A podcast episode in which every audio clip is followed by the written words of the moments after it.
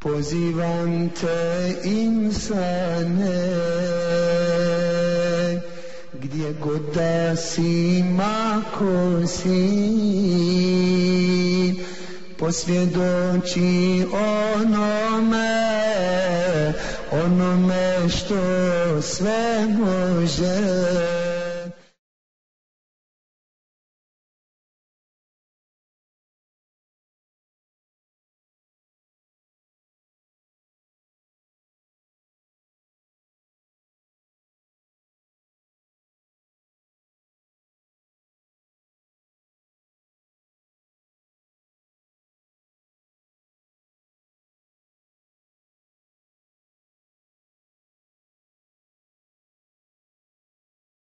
istinu, ja ne znam djelo da više približava Allahu subhanahu wa ta'ala od dobročinstva majci.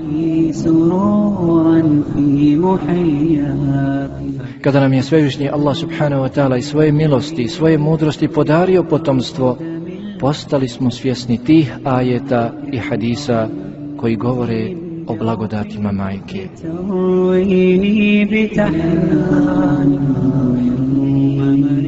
Majka, kada vidi svoje čedo pored sebe ili kada mu čuje glas, zaboravlja sve prethodne bolove.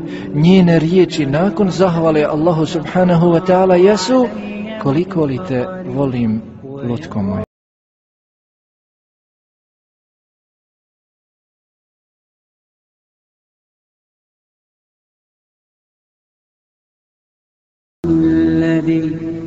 Majka je kod Kabe dovela Allahu subhanahu wa ta'ala da je ne vrati živu kući ako je napravila sihr svojoj snahi. ako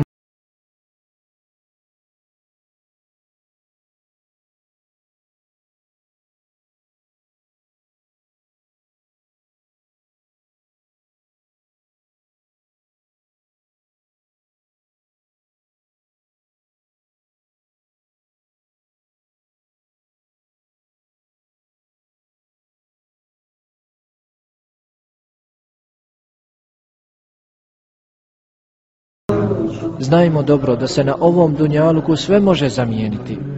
Sve ima svoju zamjenu. Ukoliko se razvedeš sa ženom, oženit će se sa drugom ženom.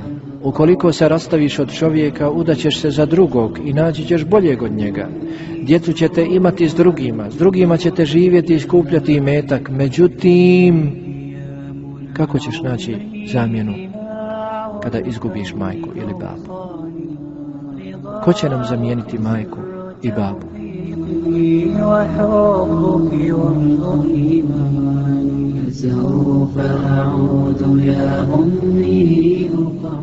A ja u istinu nisam ništa drugo. To je jedno od tvojih mnogobrojnih dobrih dijela.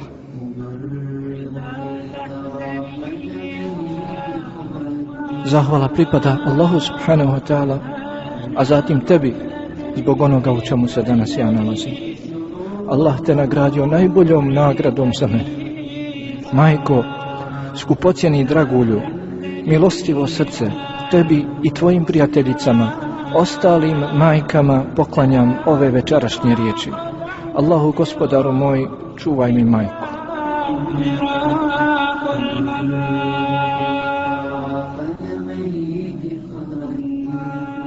بسم الله الرحمن الرحيم الحمد لله رب العالمين الذي قال في كتابه المبين ووصينا الانسان بوالديه احسانا حملته امه كرحا ووضعته كرحا وحمله وفصاله ثلاثون شهرا والصلاه والسلام على اشرف الانبياء والمرسلين الذي قال في حديثه الشريف اني لا اعلم عملا اقرب الى الله عز وجل من بر الوالده والصلاه والسلام على اله وأصحابه اجمعين Neka je slava i hvala Allahu subhanahu wa ta'ala,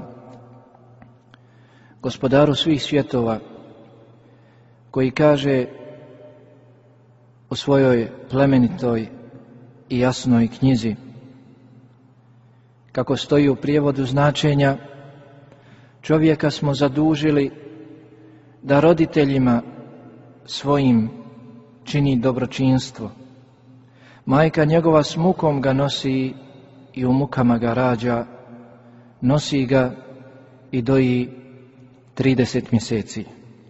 Neka je salavat i selam na predvodnika, vjerovjesnika i poslanika Muhammeda Mustafa alaihi salatu wasalam koji kaže u svome časnom hadisu, hadisi šarifu u istinu ja ne znam dijelo da više približava Allahu subhanahu wa ta'ala od dobročinstva majci.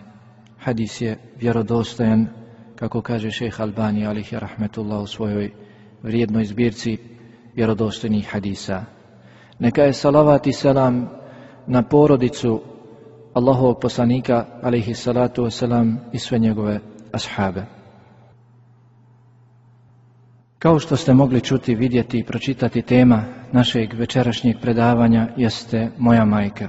Prije nego li počnem s ovim predavanjem, dozvolite mi da se sa nekoliko riječi zahvalim svojoj majci, kojoj se nakon Allaha subhanahu wa ta'ala zahvaljujem na onome na čemu sam danas. Mašta šta god rekao i mašta god uradio, majko moja, ja ti se neću moći nikada zahvaliti za ono što si učinila za mene.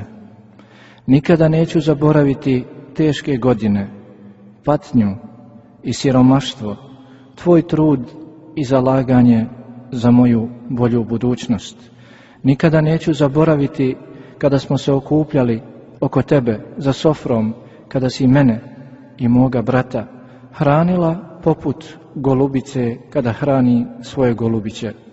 Stavljala si nam svojom rukom zalogaje u naša usta i hranila nas. Čak, čak sada i kada smo odrasli. Koliko sam te samo sikirao kada bih dolazio kasno u noć svi članovi porodice zaspali bi, a jedino ti, jedino ti ostala bi budna i iščekivala moj dolazak čak i sada, počesto moja supruga i moja djeca kasno u noć, kada zaspadnu, ti ostaneš budna, čekajući me kako bi mi otvorila vrata. Nikada neću zaboraviti kada sam narastao i otišao u svijet radi školovanja, da ste ti i babo skupljali novac i slali mi ga kako ja i moja porodica ne bismo oskudijevali i ne bismo bili u potrebi ni za čim u tuđini. Ja Allah, nikada neću zaboraviti moj dolazak na raspust i ponovni povratak na školovanje. Koliko li mi se samo srce cijepalo kada bih na rastanku čuo tvoje riječi Ideš sine, i ostavljaš majku, a možda kada se vratiš više je nećeš zateći živu. Ideš sine, a možda više nećeš vidjeti svoju majku. Vratio sam se sa školovanja majko. Ti si zašla u pozne godine i oslabila si. Meni i mome bratu dala si svoje najljepše godine, svoje najljepše dane. Koliko li si samo propatila zbog nas? koliko li si se žrtvovala samo za nas, koliko si brinula naših briga, pa čak i sada, kada smo odrasli i postali porodični ljudi, tada, tada, u tvoje najljepše dane, najljepše godine, mene su zvali Hajro, Hajrudin, danas kažu šeh, taj i taj, a ja u istinu nisam ništa drugo. To je jedno od tvojih mnogobrojnih dobrih dijela.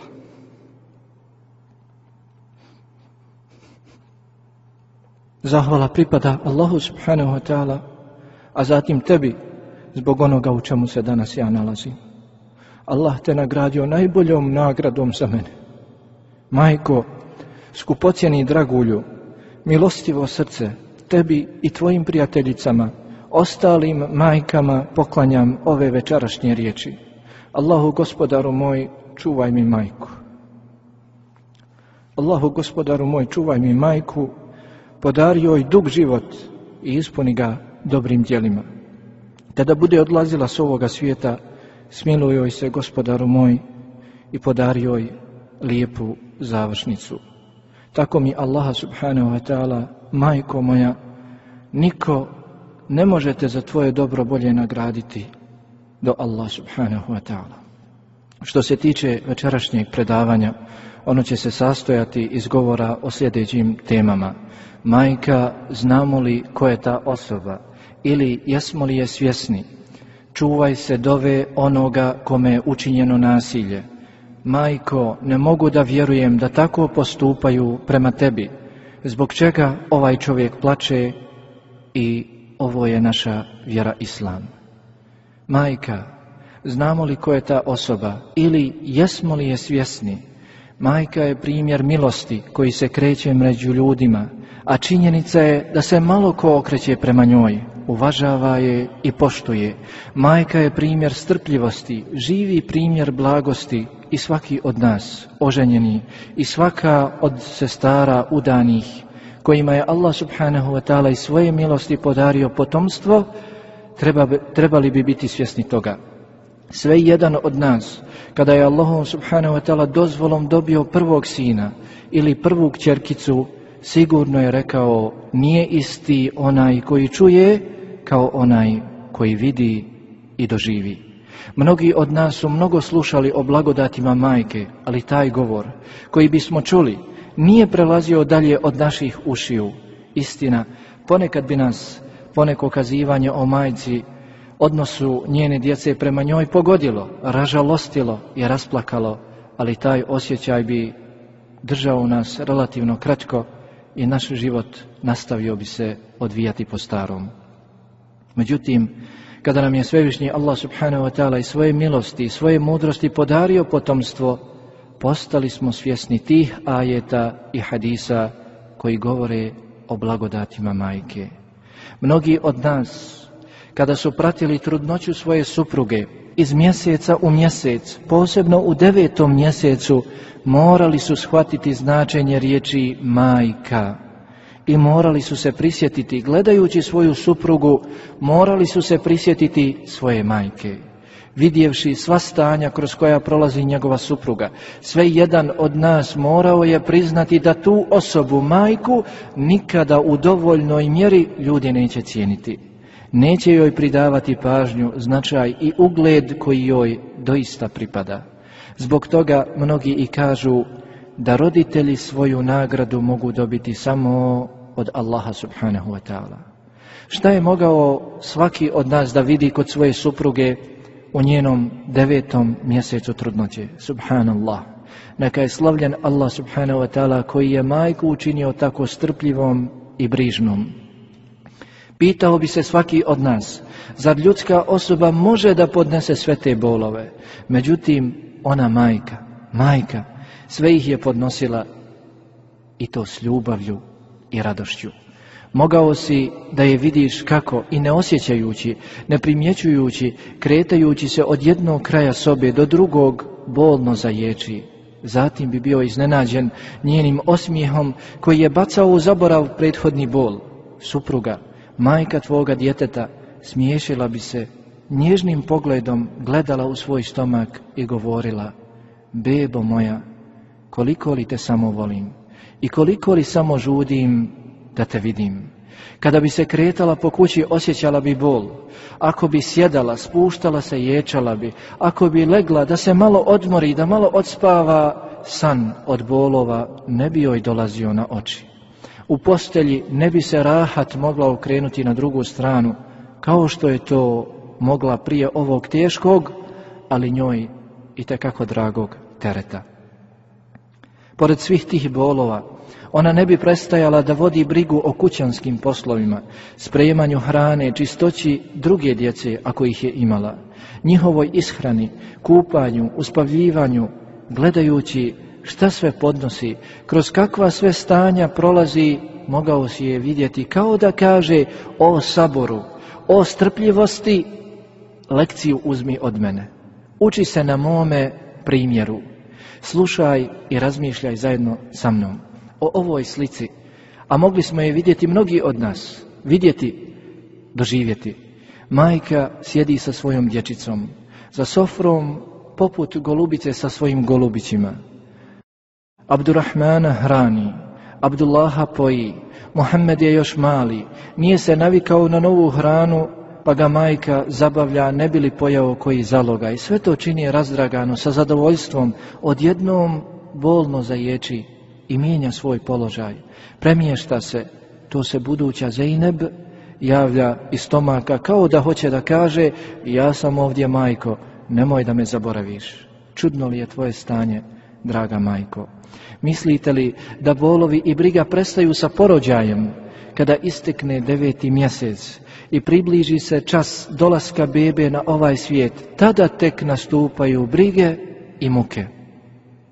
Beba više ne želi da ostane u majčinom stomaku, a ne dolazi joj se ni na prolazni dunjaluk. Počesto beba ne izlazi iz majke osim putem carskog reza. Porođajne muke doista poznaje samo majka. Duša joj skoro biva na izlasku, skoro da ispusti dušu pri porođaju, pri donošenju svoje bebe na ovaj svijet. Allahovom voljom neka od njih, majki, i preseli umre, a beba ostane da živi. Ako joj pak Allah subhanahu wa ta'ala odredi da živi još majka, kada vidi svoje čedo pored sebe, ili kada mu čuje glas, zaboravlja sve prethodne bolove. Njene riječi nakon zahvale Allahu subhanahu wa ta'ala jesu koliko li te volim, lutko moja. Da sam i umrla, samo da si mi ti ostala živa. Subhanallah. Subhanallah. Kakva li je ovo osoba? Kakva li je njena briga? Doživljava to što doživljava i na kraju kada bi izbor bio u njenim rukama željela bi da umre ona, a da njena beba ostane živa. Pa gdje smo mi danas? Gdje smo mi danas? Kakav je naš odnos prema našim roditeljima? Kakav je naš odnos prema našoj majci? Da li mi možemo zamisliti odlazak naše majke s ovoga svijeta? Ako to i zamislimo, da li priželjkujemo da mi prvi odemo s ovoga svijeta? Da odemo prije naših roditelja? Enes, radijallahu te ta'ala, prenosi slučaj da se Allahu poslanik alaihi salatu wasalam ispeo na prvu stepenicu svoga mimbera i rekao amin. Zatim se ispeo na drugu stepenicu i rekao amin. Zatim i na treću stepenicu i rekao amin. Zatim je sjeo. Ashabi radijallahu anhum ajmain upitali su ga Zbog čega si aminovao Allahu poslaniće? Rekao je, došao mi je Džibril i rekao, prezren bio onaj kod koga budeš spomenut, pa ne donese salavat i selam na tebe. Rekao sam, amin. Zatim je rekao, prezren bio onaj koji doživi duboku starost svojih roditelja, pa ne uđe u džennet. Rekao sam, amin. Zatim je rekao, prezren bio onaj koji doživi Ramazan, pa mu ne bude oprošteno. Rekao sam, Amin. Možda će neko upitati zbog čega samo govor o majci, a ne i o ocu, babi. Nema sumnje da je vrijednost, blagodat i uloga babe velika, međutim, blagodat majke veća je. Allah subhanahu wa ta'ala kaže u svojoj plemenitoj knjizi kao što smo spomenuli ajet na početku وَوَصَّيْنَا الْإِنسَانَ بِوَالِدَيْهِ إِحْسَانًا حَمَلَتْهُ أُمُّهُ كُرْهًا وَوَضَعَتْهُ كُرْهًا وَحَمْلُهُ وَفِصَالُهُ ثَلَاثُونَ شَهْرًا Čovjeka smo zadužili da roditeljima svojim čini dobro. Majka njegova ga s mukom nosi i u mukama ga rađa, nosi ga i doji 30 mjeseci.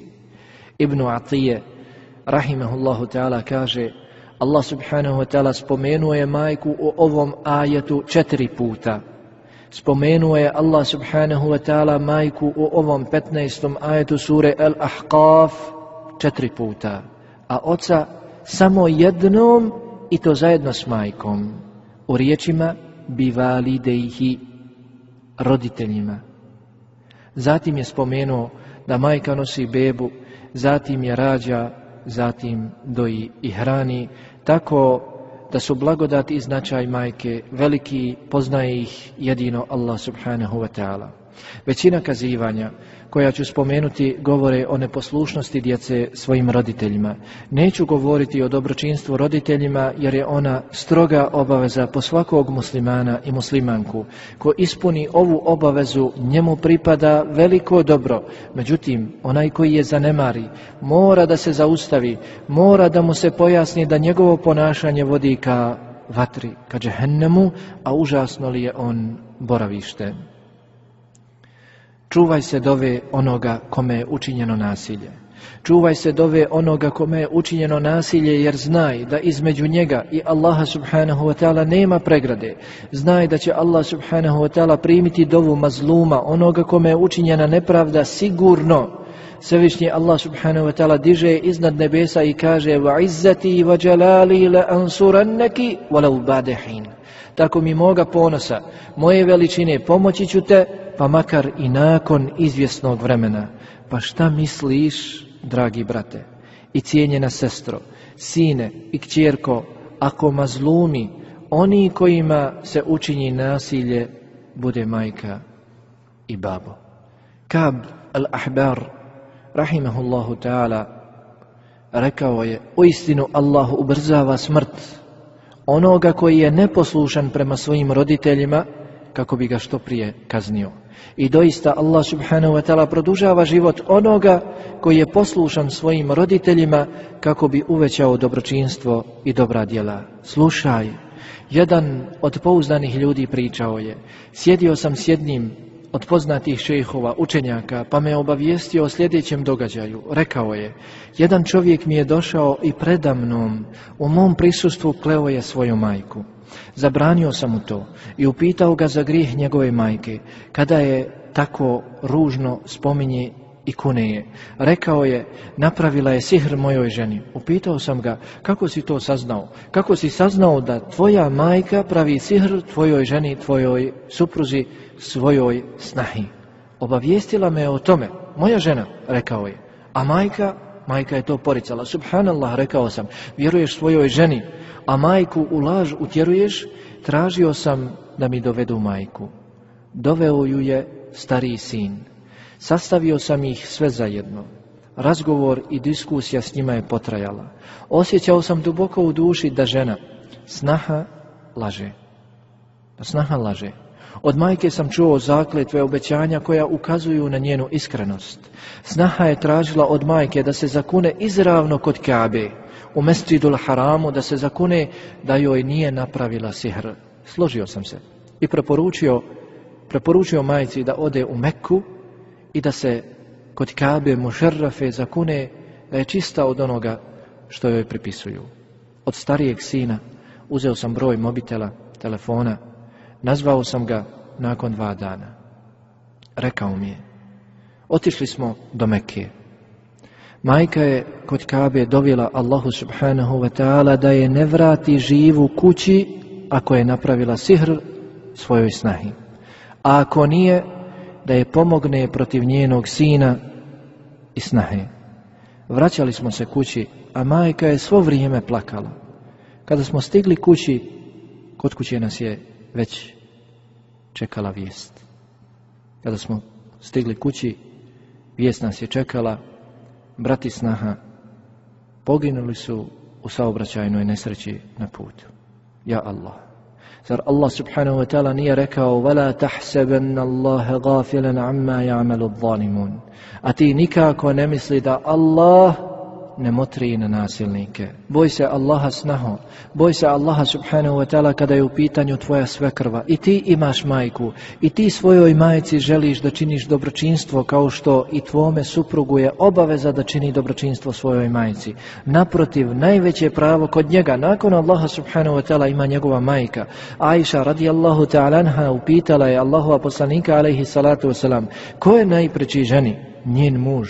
Njen muž odgovorio je, a ko je najpreći čovjeku, ponovo je upitala Ajša radijallahu ta'ala anha, a Allahu poslanik alihi salatu wasalam rekao je, njegova majka. Znaj da nije bilo nje, njegove majke, a tvoje sve krve da ne bi bilo ni tvoga supruga. Jesi li ga ti nosila, jesi li ga ti hranila i odgajala, boj se Allaha dželle dželalu. Znaj da će doći dan, ako već nije došao kada ćeš i ti biti majka.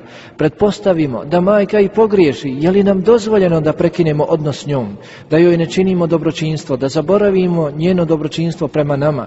Zar nam Allah subhanahu wa ta'ala nije naredio da činimo dobročinstvo roditeljima, pa makar oni bili i nevjernici, Zar Allah subhanahu wa ta'ala nije rekao وَوَصَيْنَ الْإِنسَانَ بِوَالِدَيْهِ حُسْنَا وَإِنْ جَاهَدَاكَ لِتُشْرِكَ بِي مَا لَيْسَ لَكَ بِهِ عِلْمٌ فَلَا تُطِعْهُمَا Mi smo svakog čovjeka obavezali da bude dobar prema roditeljima svojim, ali ako te oni budu nagovarali da meni nekoga ravnim smatraš, da mi čini širk, o kome ti ništa ne znaš, onda ih ne slušaj. U drugom ajetu Allah subhanahu wa ta'ala je rekao وَإِنْ جَاهَدَاكَ عَلَانْ تُشْرِكَ بِي مَا لَيْسَ لَكَ به علم fala تطئهما wa في ako te budu nagovarali da drugog meni ravnim smatraš da mi činiš širk da mi pripisuješ onoga u kome ništa ti ne znaš ti ih ne slušaj ali prema njima se na ovom svijetu velikodušno i dalje ponašaj Esma radi Allahu ta'ala anha upitala je Allahu poslanika alihi salatu uslam rekavši Allahu poslaniće došla mi je majka a ona je mušrikinja da li da je pustim kod sebe i održavam rodbinske veze s njom Allahu poslanik alihi salatu wasalam je rekao svakako održavaj vezu s njom. Abdullah ibn Amr radijallahu ta'ala prenosi da je Allahu poslanik alihi salatu wasalam rekao Allahovo zadovoljstvo je u zadovoljstvu roditelja i Allahova srđba je u srđbi roditelja. Znajmo dobro da se na ovom dunjaluku sve može zamijeniti. Sve ima svoju zamjenu. Ukoliko se razvedeš sa ženom, oženit će se sa drugom ženom. Ukoliko se rastaviš od čovjeka, udaćeš se za drugog i naći ćeš boljeg od njega. Djecu ćete imati s drugima, s drugima ćete živjeti i skupljati i metak. Međutim, kako ćeš naći zamjenu kada izgubiš majku ili babu? Ko će nam zamijeniti majku i babu? Koliko je od nas onih koji jutrom i večeri poljube svoju majku i babu u ruku ili čelo? Koliko li je od nas onih koji sjede pred njima i ne progovaraju dok mu oni ne dozvole. Koliko li je od nas onih koji sa svojim roditeljima razgovaraju i obraćaju im se riječima punim ljubavi i poštovanja. Budimo iskreni jedni prema drugima. Ako pogledamo u svoj odnos prema roditeljima, naći ćemo se da smo u velikoj mjeri neposlušni svojim roditeljima. Zato smo u velikoj potrebi da obnovimo i popravimo svoj odnos prema našim roditeljima. Zar ne znamo da je u dobročinstvu prema njima uživanje na ovom svijetu i sreća i spas na drugom svijetu? Jedan čovjek je rekao Omeru ibn al-Khattabu radijallahu ta'ala ja imam staru majku koja ne može da izvrši svoju fiziološku potrebu, a da je ja ne pridržavam na svojim leđima. Pa jesam li se time odužio svojoj majci? Jesam li time ispunio svoju obavezu prema njoj? Je li time ostvarila svoje pravo kod mene? Omer radijallahu talan rekao je ne. Jer je ona isto tako tebe pridržavala i priželjkivala tvoj ostanak na ovome svijetu, a ti to činiš i priželjkuješ njen odlazak s ovoga svijeta da se majke svoje što prije riješiš. A gdje je tvoja blagost spram majčine blagosti? Gdje je tvoja briga spram majčine brige? Gdje su tvoje neprospavane noći naspram njenih neprospavanih noći? Gdje je tvoja milost naspram majčine milosti? Poslušajte sa mnom ovaj slučaj koji odslikava majčinu milost. Ajša radijallahu talanha rekla je, došla mi je miskina, jedna siromašna žena, sa sobom je imala dvije male djevojčice. Dala sam joj tri datule. Majka je dala svojim djevojčicama po jednu datulu, a treću je podigla do svojih usta da je ona pojede. Djevojčice, nakon što su brzo pojele svoje datule, zatražile su i treću datulu od svoje majke. Pa je majka treću datulu, koju je ona htjela pojesti, popolovila i dala je svojim djevojčicama, Ajša radijallahu anha kaže, zadivio me njen postupak. Zadivio me njen postupak. Pa sam je spomenula Allahovom poslaniku, alaihi salatu wasalam, a on, as-sadiq, al-masduq, rekao je, inna Allahe kad auđebe leha al-đanna, wa a'taqaha biha minan nar. U istinu, Allah subhanahu wa ta'ala džennet je učinio obaveznim i tom datulom oslobodio ju je vatre. Zato, majko, budi radosna. Raduj se. Tvoje neprospavane noći neće biti uzaludne. Tvoja briga i strah za djecom neće biti uzaludni.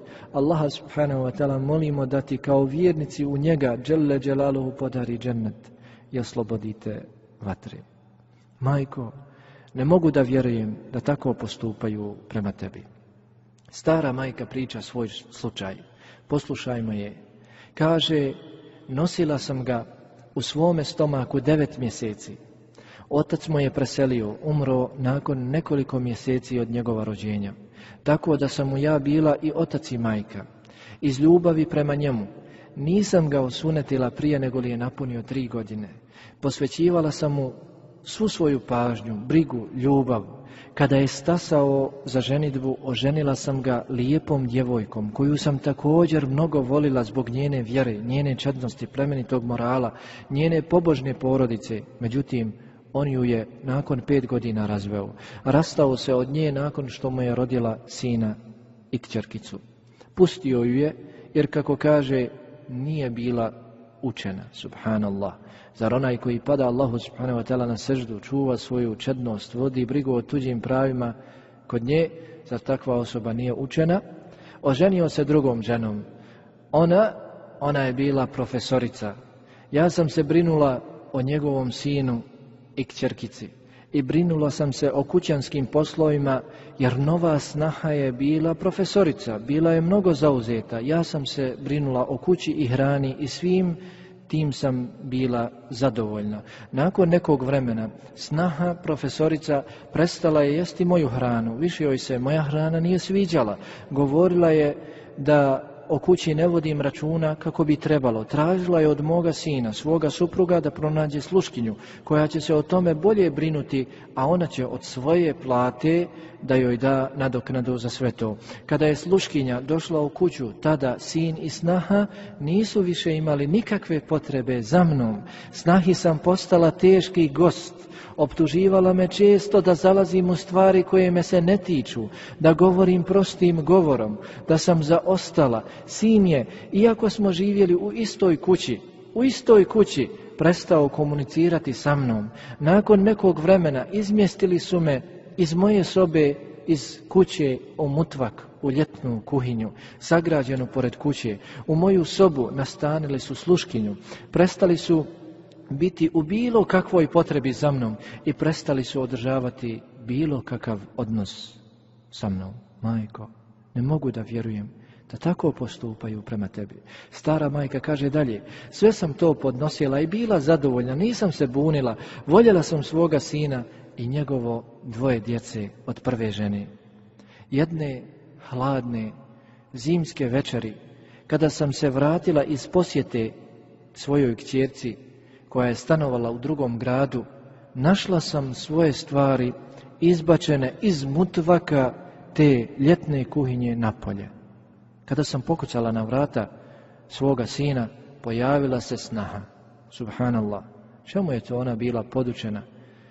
Kako je bila odgojena? I čemu to i kako ona takva odgaja djecu? Pojavila se snaha. Upitala sam je za razlog izbacivanja mojih stvari iz mutvaka, rekla je, a iza nje je stajao moj sin i ni riječi nije progovarao, rekla je da su izbacili moje stvari jer je u kući ponestalo prostora za njihove stvari. Upitala sam, a gdje sada da idem ja, sada u ovoj hladnoj zimskoj noći?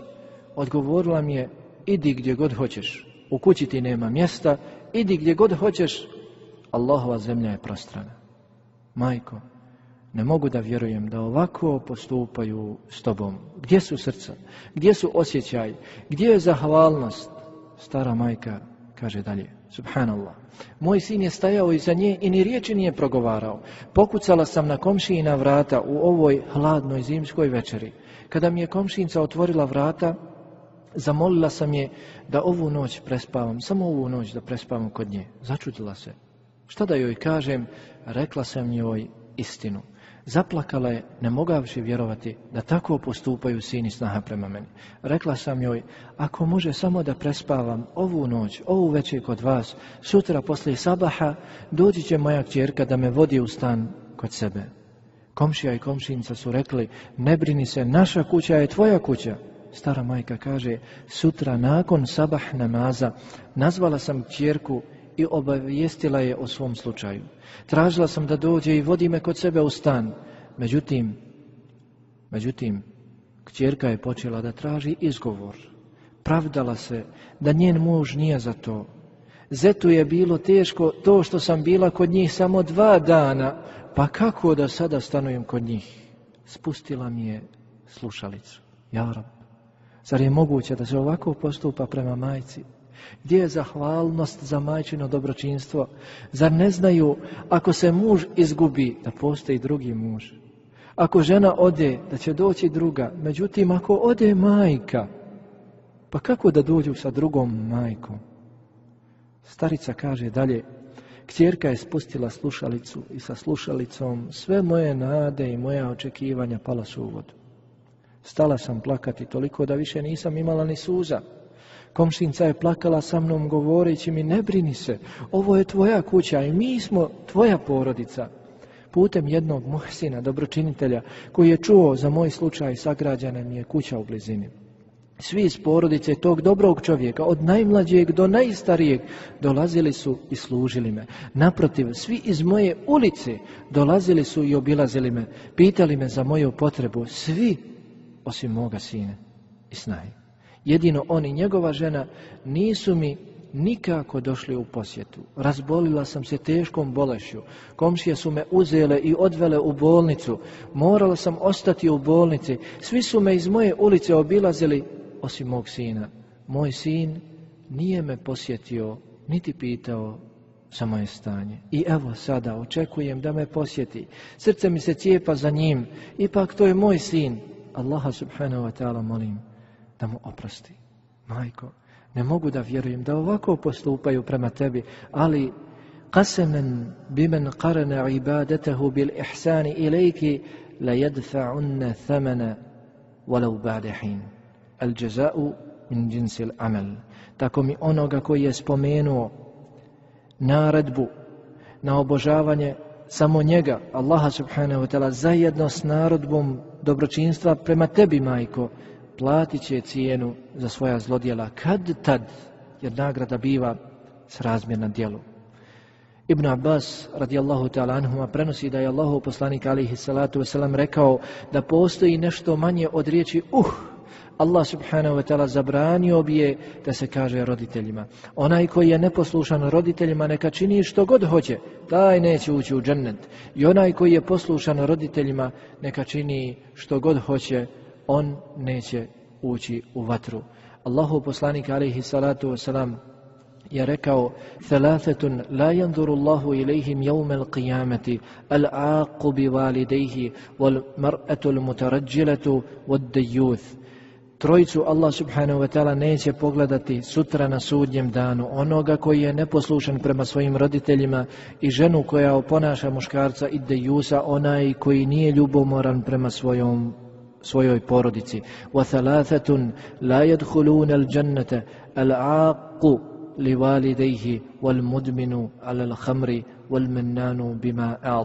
I trojica neće ući u džennet onaj koji je neposlušan prema svojim roditeljima, notorni alkoholičar i onaj koji nakon što udjeli prigovori to što je udjelio. Zbog čega ovaj čovjek plače? Posjetio sam jednog svoga ahbaba u drugom gradu. Kada sam mu došao i kada smo posjedili, obavijestio me je da u njegovom mjestu poslije ikindije namaza ima dženaza. Jedna, jedna od mještanki je umrla, pa nakon ikindije namaza klanjaće joj se dženaza. Kada smo klanjali dženazu, prišli smo kaburu. Kod kabura zatekli smo mladića kako mnogo plaće.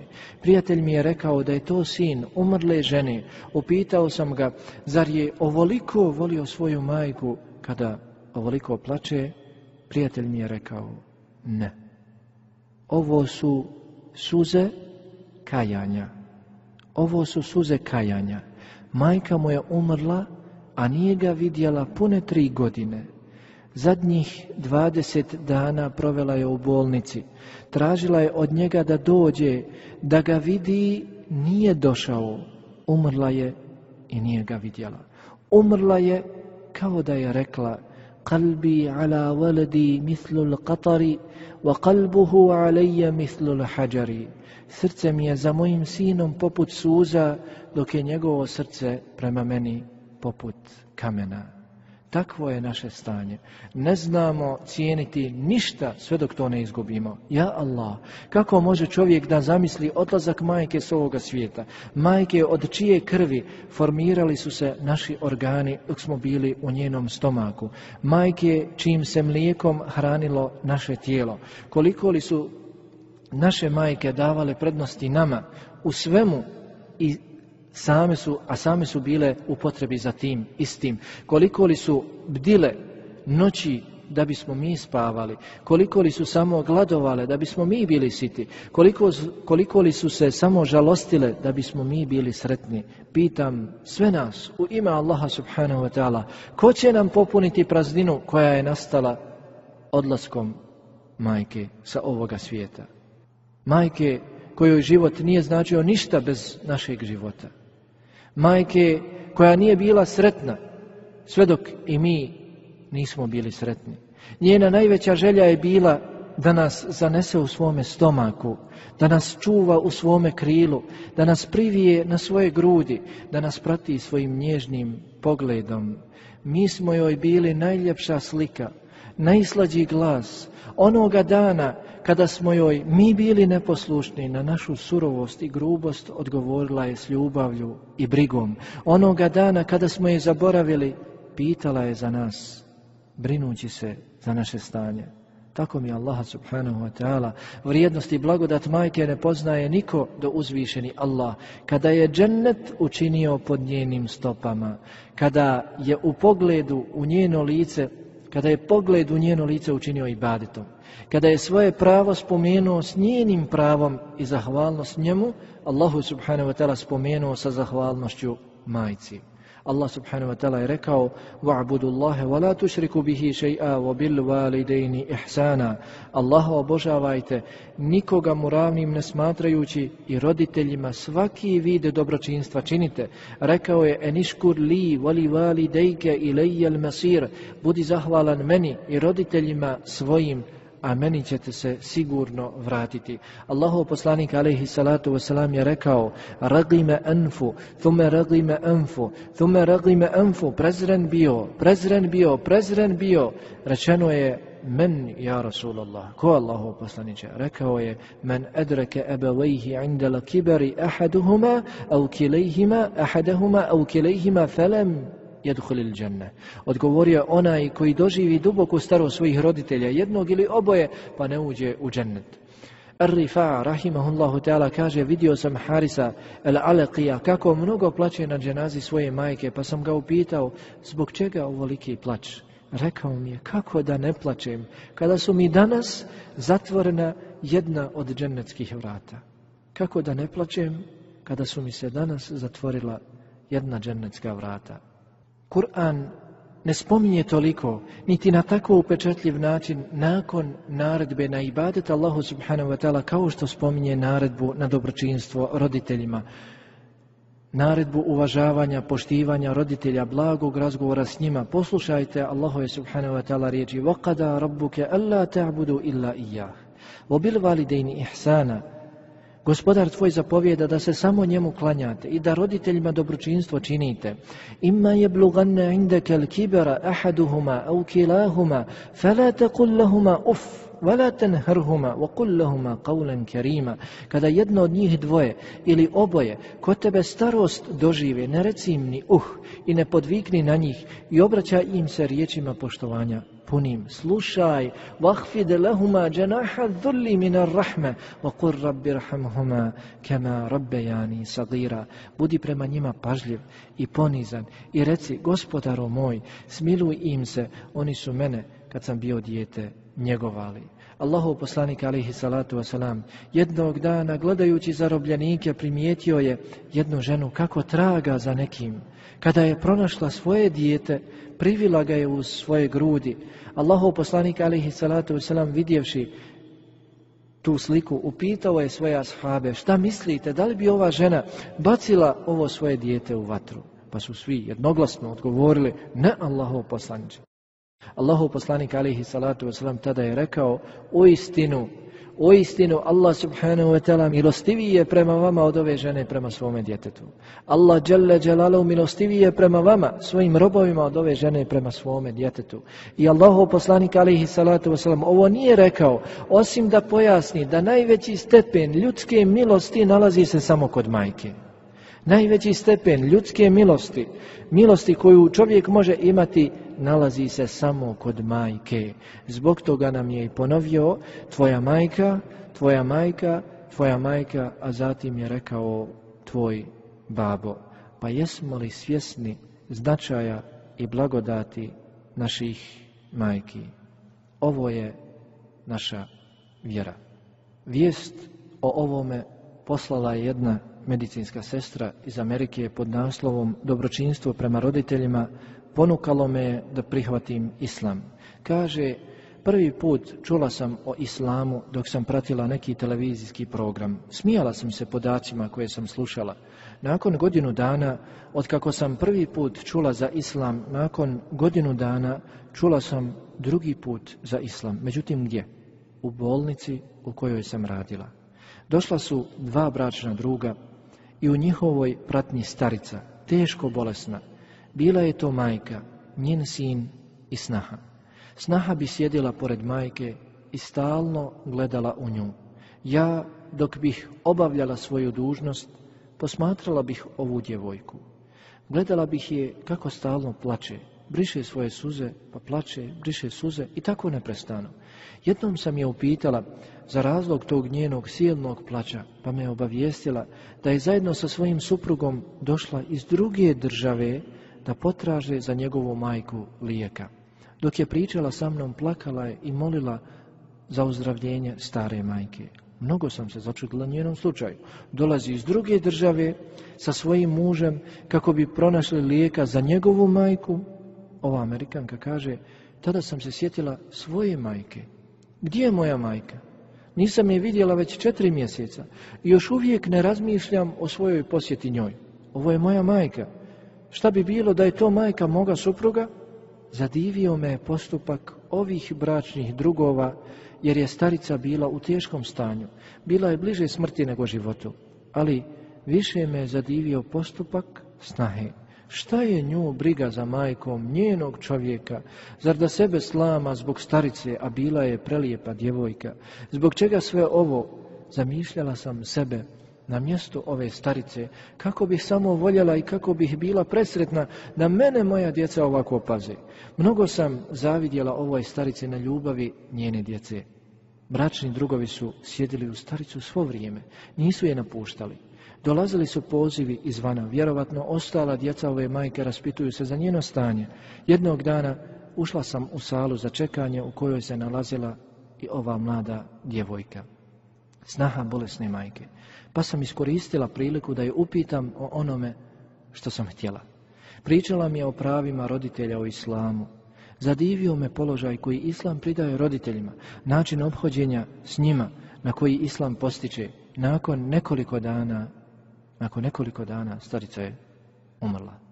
Njen sin i snaha mnogo su plakali, kao da su ostali siročadi za svoje majke. Mnogo sam razmišljala o postupku ovo dvoje mladih i onome što sam saznala o pravima roditelja u islamu. Poslala sam zahtjev jednom od islamskih centara tražeći od njih literaturu o pravima roditelja. Nakon čitanja ove literature osjetila sam nešto u svojim prsima kao nikada do tada. Zamišljala sam sebe kao majku, zamišljala sam svoju djecu kako me vole raspituju se i brinu za moje stanje sve do kraja moga života. Ovaj lijepi osjećaj podstaknuo me da iskažem svoju pripadnost islamu, ovaj lijepi osjećaj ponukao me da izgovorim riječi La ilaha illallah Muhammedun Rasulullah. A od Islama poznavala sam samo dobročinstvo prema roditeljima. Hvala Allahu, udala sam se za čovjeka koji je također primio Islam, rodila sam mu djecu Allaha subhanahu wa ta'ala molim za njihovu uputu. Ja sam danas umu Malik, Molite Allaha subhanahu wa ta'ala za mene i moju djecu, za našu postojanost u vjeri. Ovo je naša vjera Islam i ovo je naš islamski ahlak, moral, kojem podučava i kojem poziva naša lijepa vjera Islam. Allahu, gospodaru naš, oprosti nama i našim roditeljima, smiluj nam se milošću nakon koje se nećeš nikada rasrditi na nas, Nagradi naše roditelje za njihova dobra djela, a pređi preko njihovih loših djela. Produži im život i uljepšaj im ga dobrim djelima. Smiluj im se i podari im lijepu završnicu na ovome svijetu. Smiluj se našim majkama u Iraku. Smiluj se našim majkama u Palestini. Smiluj se našim majkama u Afganistanu i Čečeniji. Smiluj se njihovim suzama i odazovi se našim i njihovim dovama. Budi nam svima na pomoći sve nas učini tvojim pokornim robovima. Budi zadovoljan s nama dok smo na Dunjalku, budi zadovoljan s nama kada nam pošalješ svoje zaslanike da nam uzmu duše i budi zadovoljan s nama kada nas sutra izvedeš pred sebe. Walhamdulillahi rabbil alemin, wa sallallahuma ala nabina Muhammed, wa ala alihi wa sahbihi ajma'in. لسوف أعود يا أمي أقبل رأسك الزاكي أبثك كل أشواقي وأرشق عطر يمناك وقدميك خدي حين ألقاك أروي رب من دمعي سرورا في محياك فكم أسهرت من ليل لأرقد من الأجفاف وكم أمنت من جوف لترويني بتحنان سادوا عن منك كالمطر وعينا منك زائرة تخاف علي من فطري ويوم وداعنا فجرا وما أقساه من فجر يحار القول في وصف الذي لاقيت من هجر وقلت مقالة لا زلت مذكرا بها دهري محال أن ترى صدرا أحن عليك من صدري محال أن ترى صدرا أحن عليك من صدري فأعود يا أمي أقبل رأسك الزاكي أبث بكل أشواقي وأرشف عطر يمناك أمرغ في ثرى قدمي بخدي حين ألقاك أروي الترب من دمعي سرورا في محياك